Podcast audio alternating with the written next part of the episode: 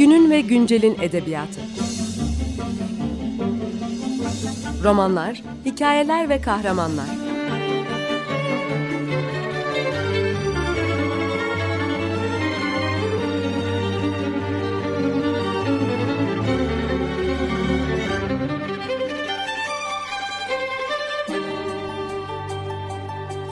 Hazırlayan ve sunan Seval Şahin.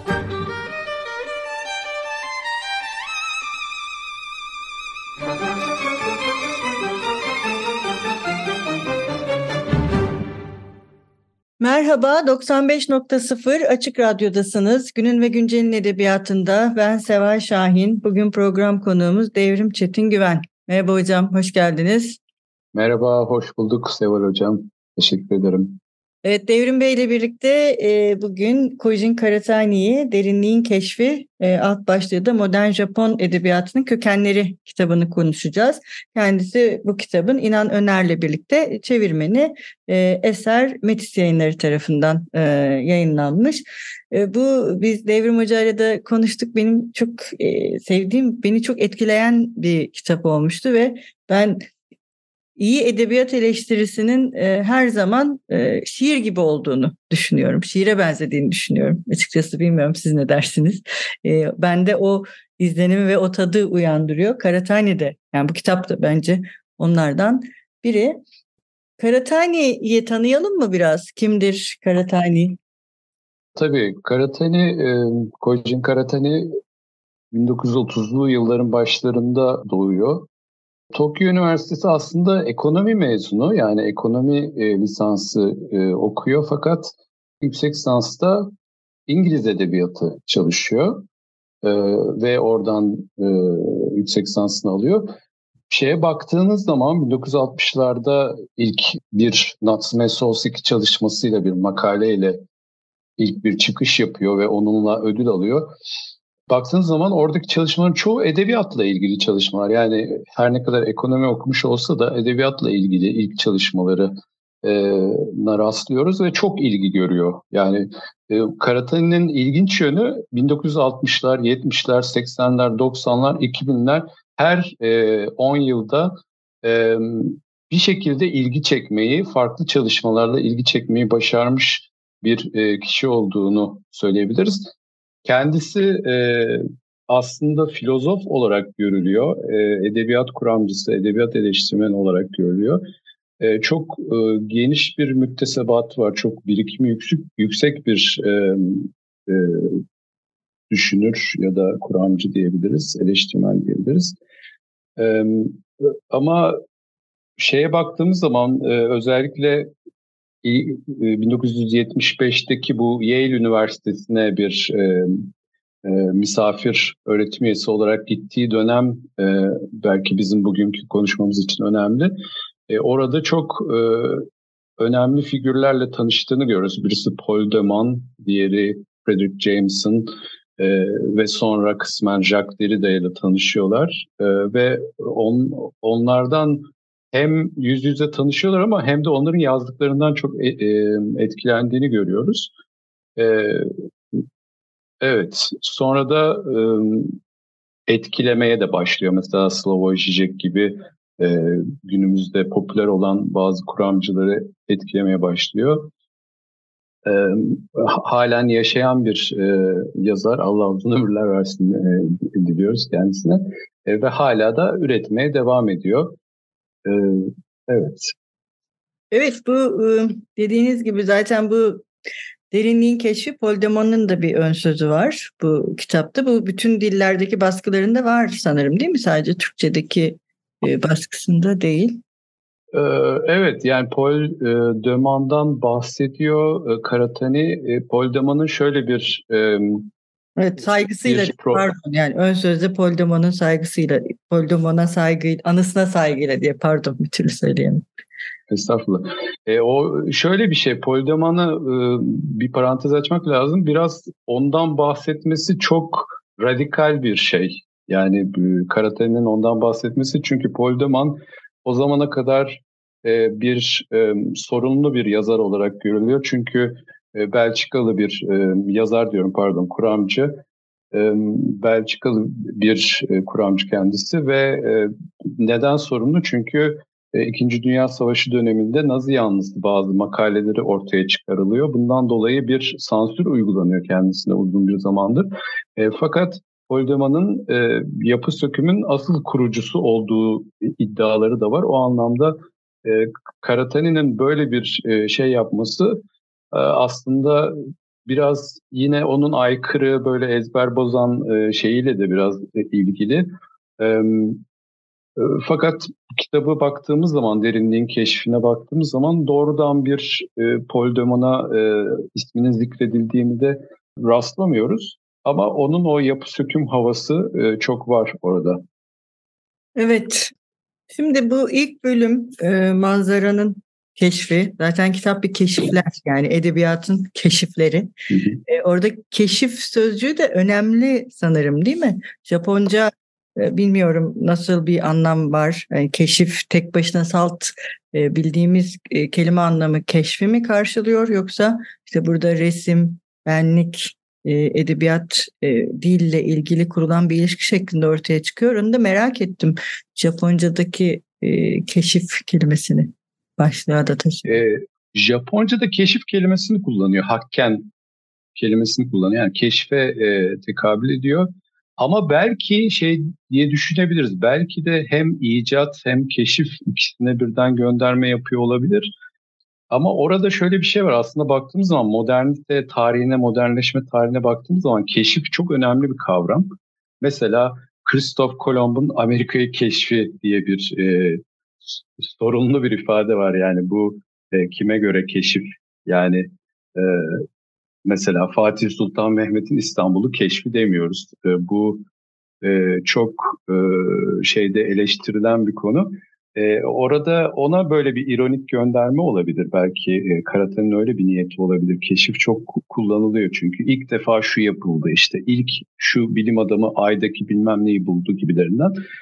E, manzaranın keşfinde de böyle bir başlık e, seçmiş. Sonra da öyle gitmiş içselliğin keşfi e, gibi.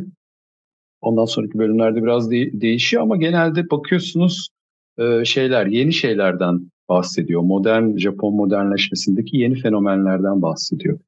Evet ben de bu keşif kelimesini tam da sizin söylediğiniz anlamda böyle bir ironi var mı? Çünkü bir taraftan bu Avrupa merkezciliği de çok eleştiriyor kitap. Avrupa merkezci bakışın ne kadar yönlendirdiği ve o yönlendirmenin e, eleştirisini de yaptığı için e, o yüzden keşif kelimesini doğrudan nasıl kullandığını düşün, merak etmiştim. Şimdi burada manzara e, fikriyle başlıyor kitap ve e, manzaranın keşfinin e, e, aslında tam da e, manzaranın kendisi olmaktan çıktığı zaman bir manzara haline dönüştüğünü e, söylüyor ve bunun da e, edebiyat anlatısında, edebi anlatılarda e, üçüncü tekil şahıs ve bir e, nesnellikle kurulması gerektiği söyleminin altını oyuyor. Yani aslında bu manzara keşfi. Bu bir anlamda sizin de dediğiniz gibi modern edebiyat kavramına ve edebiyat kuramına farklı bir yaklaşım. Avrupa merkezcilikten farklı bir yaklaşım ve Avrupa merkezciliğin görmediği aslında bir şeyi göstermeye çalışıyor. Bu Japon edebiyatında mesela sadece Karatani'nin yaptığı bir şey mi? Karatani'den önce de bunun böyle gerçi örnekler veriyor kendisi. İşte diyor ki naturalizme, realizme şu şekilde anlatıyorlar. İşte bu buna denk düşmüyor falan. İşte birinden bahsediyor. Sosaki Stern'i seviyor. Bu çok e, şey değil, şaşırtıcı değil. Karnaval vari bir şey buluyor onda e, diye. Biraz oralara da gidiyor. Peki bu tartışma yani modern edebiyat tartışmasının Japon edebiyatında bu şekilde ortaya konulması ve manzarayla ilişkilendirilmesi hani özelde Japon edebiyatında Karatani ile mi başlayan bir şey? Bu bir farklılık getirmiş mi? Ben biraz daha geniş e, cevap verebilir miyim sorunuza? Ee, tabii tabii ben de çok sordum zaten. çok sordum. Yok hayır çok güzel bir soruydu ama e, şeyi kontekstin anlaşılması açısından çünkü Japonya'nın biraz kendine özgü bir durumu var. Yani evet. e, modern mesela burada aslında e, başlık modern Japon edebiyatının kökenleri ve kitap aslında iki ana hat üzerinde ilerliyor. Birincisi bir politik e, şey olarak gerçeklik olarak modernleşme Diğeri kültürel e, modernleşme, kültür aşaması belki onun.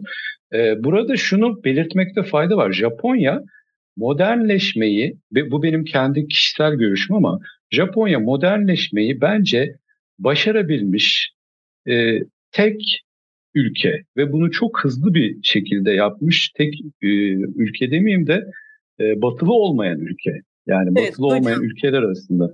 Bu çok önemli bir tespit ama bir ara vermek durumundayız şimdi. İsterseniz Tabii. bir müzik arası verelim ve kaldığımız yerden devam edelim. Merhaba tekrar 95.0 Açık Radyo'dasınız. Günün ve Güncel'in edebiyatında ben Seval Şahin, Devrim Çetin Güven'le birlikte Kojin Karatani'nin Derinliğin Keşfi kitabını konuşmaya devam ediyoruz. Programımızın ilk kısmında Karatani'nin kendisinin bir filozof ve edebiyat eleştirmeni olarak e, kim olduğundan ve genel olarak görüşlerinden bahsedip kitaba geçmiştik ve e, hoca da en son Japon edebiyatını ve Japonya'nın kendine has konumundan bahsederek başlamıştı. Buyurun devam edin. Japonya e, e, yani buradaki modernleşme kavramını işte modern Japon edebiyatının kökenleri kavramını iki boyutta ele alabiliriz. Birincisi Japonya'nın modernleşmesi, ikincisi e, Japon edebiyatı ya da kültürel modernleşme diyordum.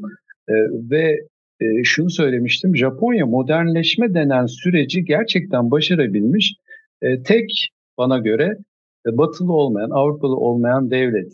Ve bunu çok hızlı bir şekilde yapıyor. Mesela Natsume Soseki çok önemli Japon e, yazarlardan birisi. Belki modern Japon edebiyatının kurucularından birisi. Şöyle bir sözü var. Diyor ki Avrupalıların 200 yılda yaptığı şeyi biz e, bizimkiler 40 yılda yapmaya çalışıyorlar gibi bir şey söylüyor. E, gerçekten baktığınız zaman 1940'lı yıllarda Japonya'da şey tartışmaları var. E, Kindai no Chokoku Japoncası yani moderniteyi aşmak tartışmaları var. E, dolayısıyla modernleşme bir e, neredeyse tamamlanmış, onun üstüne bir şeyler koyma şeklinde e, bir süreç yaşamış bir ülke. Dolayısıyla buradaki modernleşme aslında iki tür eleştirisi olabilir. Birisi modernleşemediğiniz için eleştirebilirsiniz. E, Japonlarda böyle bir şey yok. Japonlarda yani Karatani'de daha doğrusu modernleştik ama iyi mi oldu gibi bir e, soru var. Bütün kitabın genelinde böyle bir e, yaklaşım var. Dolayısıyla bunu iki boyutta e, inceliyor politik ve kültürel boyutlarda. E, manzara da bu anlamda e, çok önemli bir e, nokta. Çünkü baktığın zaman e, resimden mesela Karatani bahsediyor e, manzara resmine geçişin işte Leonardo da Vinci'nin Mona Lisa'sı olduğundan bahsediyor. E, ve Paul Valéry'den e, Fransız şair e, düşünür Paul Valéry'den bir alıntı yapıyor. Onun çok ilginç bir e, tespiti var. Diyor ki manzara resmi çıktı herkes ressam olmaya başladı gibi bir şey söylüyor. E, ve bunu edebiyata uyarladığında da betimleme, tasvir e, konusunun özellikle realist edebiyatta, gerçekçi edebiyatta çok abartıldığını, her önüne gelenin yazar olmaya başladığını betimlemeyle e, gibi e, şeylerden bahsediyor. Karatane de bunun Japonya'da nasıl bir e, manzara fenomeni olduğunu bize değerlendiriyor aslında. Manzaranın keşfi bölümünde, ilk bölümde. Gerçekten bakıyoruz. Özellikle seyahat yazılarının işte Edo dönemindeki kısmen bu modern romandaki e, manzara betimlemelerine dönüşmekte olduğunu görüyoruz. E, sizin de bahsettiğiniz gibi üçüncü tekil e, kişi anlatıcıyı kurmaya çalışıyorlar. Bunu kurmak için Japoncayı modernleştirmeye çalışıyorlar. Japoncayı bir söz yazı birliği diye orada e, romanda bahsediyor. Pardon roman diyorum. Karata'nın bahsettiği reform, dilsel reform çalışmasından e, yola çıkarak bir şeyler yapmaya çalışıyorlar. Karatani bu manzaranın keşfi bölümünde e, manzara başlığı altında tüm bu süreçleri toparlamaya çalışıyor. E, ve bunu da çok başarılı bir şekilde yaptığını e, düşünüyorum. Bilmiyorum somut bir şekilde açıklayabildim mi ama. Gayet iyi açıkladınız. Bence de öyle. Bir de bu perspektif fikriyle e, biçim. Çünkü biçimin de aslında Japon edebiyatının hem kendisinde hem de bakışta yani Japon edebiyatına bakışta önemli olduğunu e, ve işte bir diğer de e, Rus biçimcilerden bahsediyor. Mesela onların e, bir takım eleştirilerinin nasıl ancak Avrupa'da bir süre sonra kabul edilebilir hale e, geldiğinden de e, bahsediyor. E, dolayısıyla perspektif de bu manzarada hani resim ne zaman ki kendisini anlatmaktan vazgeçiyor. Çünkü daha önce din var. Yani şey, onlar hep bir şey anlatıyorlar. Hepsinin bir anlatısı var. Ee, perspektif bir yere odaklandığında mesafe de ortaya çıkıyor ve mesafe o anlatıyı e, betimlemeye dönüştüren ama sonrasında zaten içselliğin keşfinde de bunu tartışacak benlik meselesinin e, nasıl bağlantılandırıldığını. Peki bu mesela resim ve e, yazıyı bu şekilde birlikte değerlendirme Japon edebiyatında daha önce ya da Japon edebiyat eleştirisinde var mı? Onu da merak ediyorum. O, o çok var çünkü sizin daha önce sorduğunuz bir soruyu cevaplamadım. Ben onu onu cevaplayayım isterseniz önce. E, Karatani aslında çok e, radikal bir şey yapıyor. 1980'lerin başlarında bu kitabın oluşturan makaleleri yazarak. Çünkü orada yaptığı şey aslında e, Japon modern eleştirisinin çok batı merkezci olduğunu da, e, söylüyor. Bunu çok açık böyle e, gümbür gümbür söylemiyor ama ima düzeyinde söyle söyleyerek eleştiriyor. Yani aslında baktığımız zaman Karatani'de e, böyle bir batı merkezciliğe, batıcılığa karşı bir e, tavır olduğunu görüyoruz. Dolayısıyla o anlamda çok yeni e, Karatani. E, kısmen bunu eleştirenler var tabii ki ama e, edebiyatta özellikle bir e, batıcı bir e, damar var e, ve bu çok baskın e, şeyde e, ve e, siz de biliyorsunuzdur e, hep şeyden bahsediliyor. Şu roman çıktı tam biz modernleşecektik. Bu roman bizi bozdu işte. Tayamaka Tai'nin Futon Döşek romanı çıktı. Ne güzel naturalist bir edebiyat kuruyordu. Shimazaki Toson işte Bozulan Yemin diye bir kitap var. O sanırım yakın zamanda çevrilmiş Türkçe'ye adı farklıydı. Ee, onunla işte bu modernleşme sürecimiz sekteye uğradı, baltalandı gibi e, böyle bir şey var. Dolayısıyla burada e, Karatani e, batılılaşmaya, batı merkezci eleştiriye de bir mesafeli duruşu var. Modernleşmeye de bir mesafeli duruşu var. E, ama resim ve yazı dediğimiz zaman şimdi Japonca'da kanji e, denilen ideogramlar yani kavram yazı diye çevirebiliriz onu. E, resmi de yazıyı da içinde barındıran şeyler olduğu için bu çok vurgulanan bir şey. Baktığınız zaman birçok yazarın ressam olduğunu da görüyorsunuz aynı zamanda. Buna çok iyi bir örnek olarak Natsume Soseki'yi gene verebilirim. Ee, mesela Karatani onun yaşamından bahsederken, çalışma hayatından bahsederken sabahları roman yazıyor. Öğleden sonra da işte Çin usulü şiirler ve e, işte Sansiga denilen yine bu Zen Budist e, resimlerle uğraştığını yani sabahları batılı bir e, etkinlikte işte öğleden sonralı da o daha öğleden sonraları daha doğulu, daha gelenekçi bir, geleneksel bir etkinlikle uğraştığından bahsediyordu. E, dolayısıyla bu şey çok önemli. Resim ve yazı meselesi. Zaten Karatani'nin söylediği şey modernite öncesi edebiyatın kavram odaklı olduğu. Aynı yazı gibi yani Japonca kanji karakterlerini gördüğünüz zaman hemen kafanızda bir şey canlanıyor. Hemen sizi bir şeye yönlendiriyor. Görsel bir şey. Sizin zihninizde somut bir imge oluşuyor. Fakat modern edebiyat, Karatani'nin söylediği şey, modern edebiyat bu kavramsallığı bastırarak hikayesi olmayan e, bir edebiyat yaratmaya çalıştığını e, söylüyor. E, dolayısıyla bu şeyle çok yakından alakalı. O Japon yazı sisteminin resimselliğiyle, e, görselliğiyle çok yakından alakalı. Evet bu mesela okurken hep şeyi düşündüm işte Arap harfli dönemde özellikle 19. yüzyıl ve 20. yüzyıl başında de en çok örneğini Servet Fünun dönemi dediğimiz edebiyatı cedidecilerin de çoğunun hem şiir hem düz yazı hem resim yapma yani yazmaları hem resim yapmaları hem de bu Arap alfabesinin görselliğiyle işte kafiyeleri göz için çevirme çabaları ve onların da hem kendi yaptıkları çeviriler hem de e, yeni bir dil yaratma peşinde koşarken tabiatı betimlemelerinin değişmesi de bu Japonya'daki tartışmalarla Osmanlı döneminin e, yani Osmanlı Edebiyatı'nın o dönemindeki tartışmaları çok paralel geldi bana. E, o yüzden de bu kitaptan çok e, etkilendim. Bilmiyorum siz katılır mısınız buna ama bayağı bir şey var aralarında ilişkiler e, kurulabilir gibi geldi bana. E, ama bu soruyu şimdilik saklıyorum. E, ikinci e, programımızda çünkü haftaya devam edeceğiz. Maalesef programımızın sonuna geldi. Evet hocam siz bitirirken bir son birkaç cümle eklemek ister misiniz? Çünkü haftaya devam edeceğiz. Bir sonraki programda daha kapsamlı olarak konuşabiliriz. O zaman hoşçakalın. Şimdilik görüşmek üzere.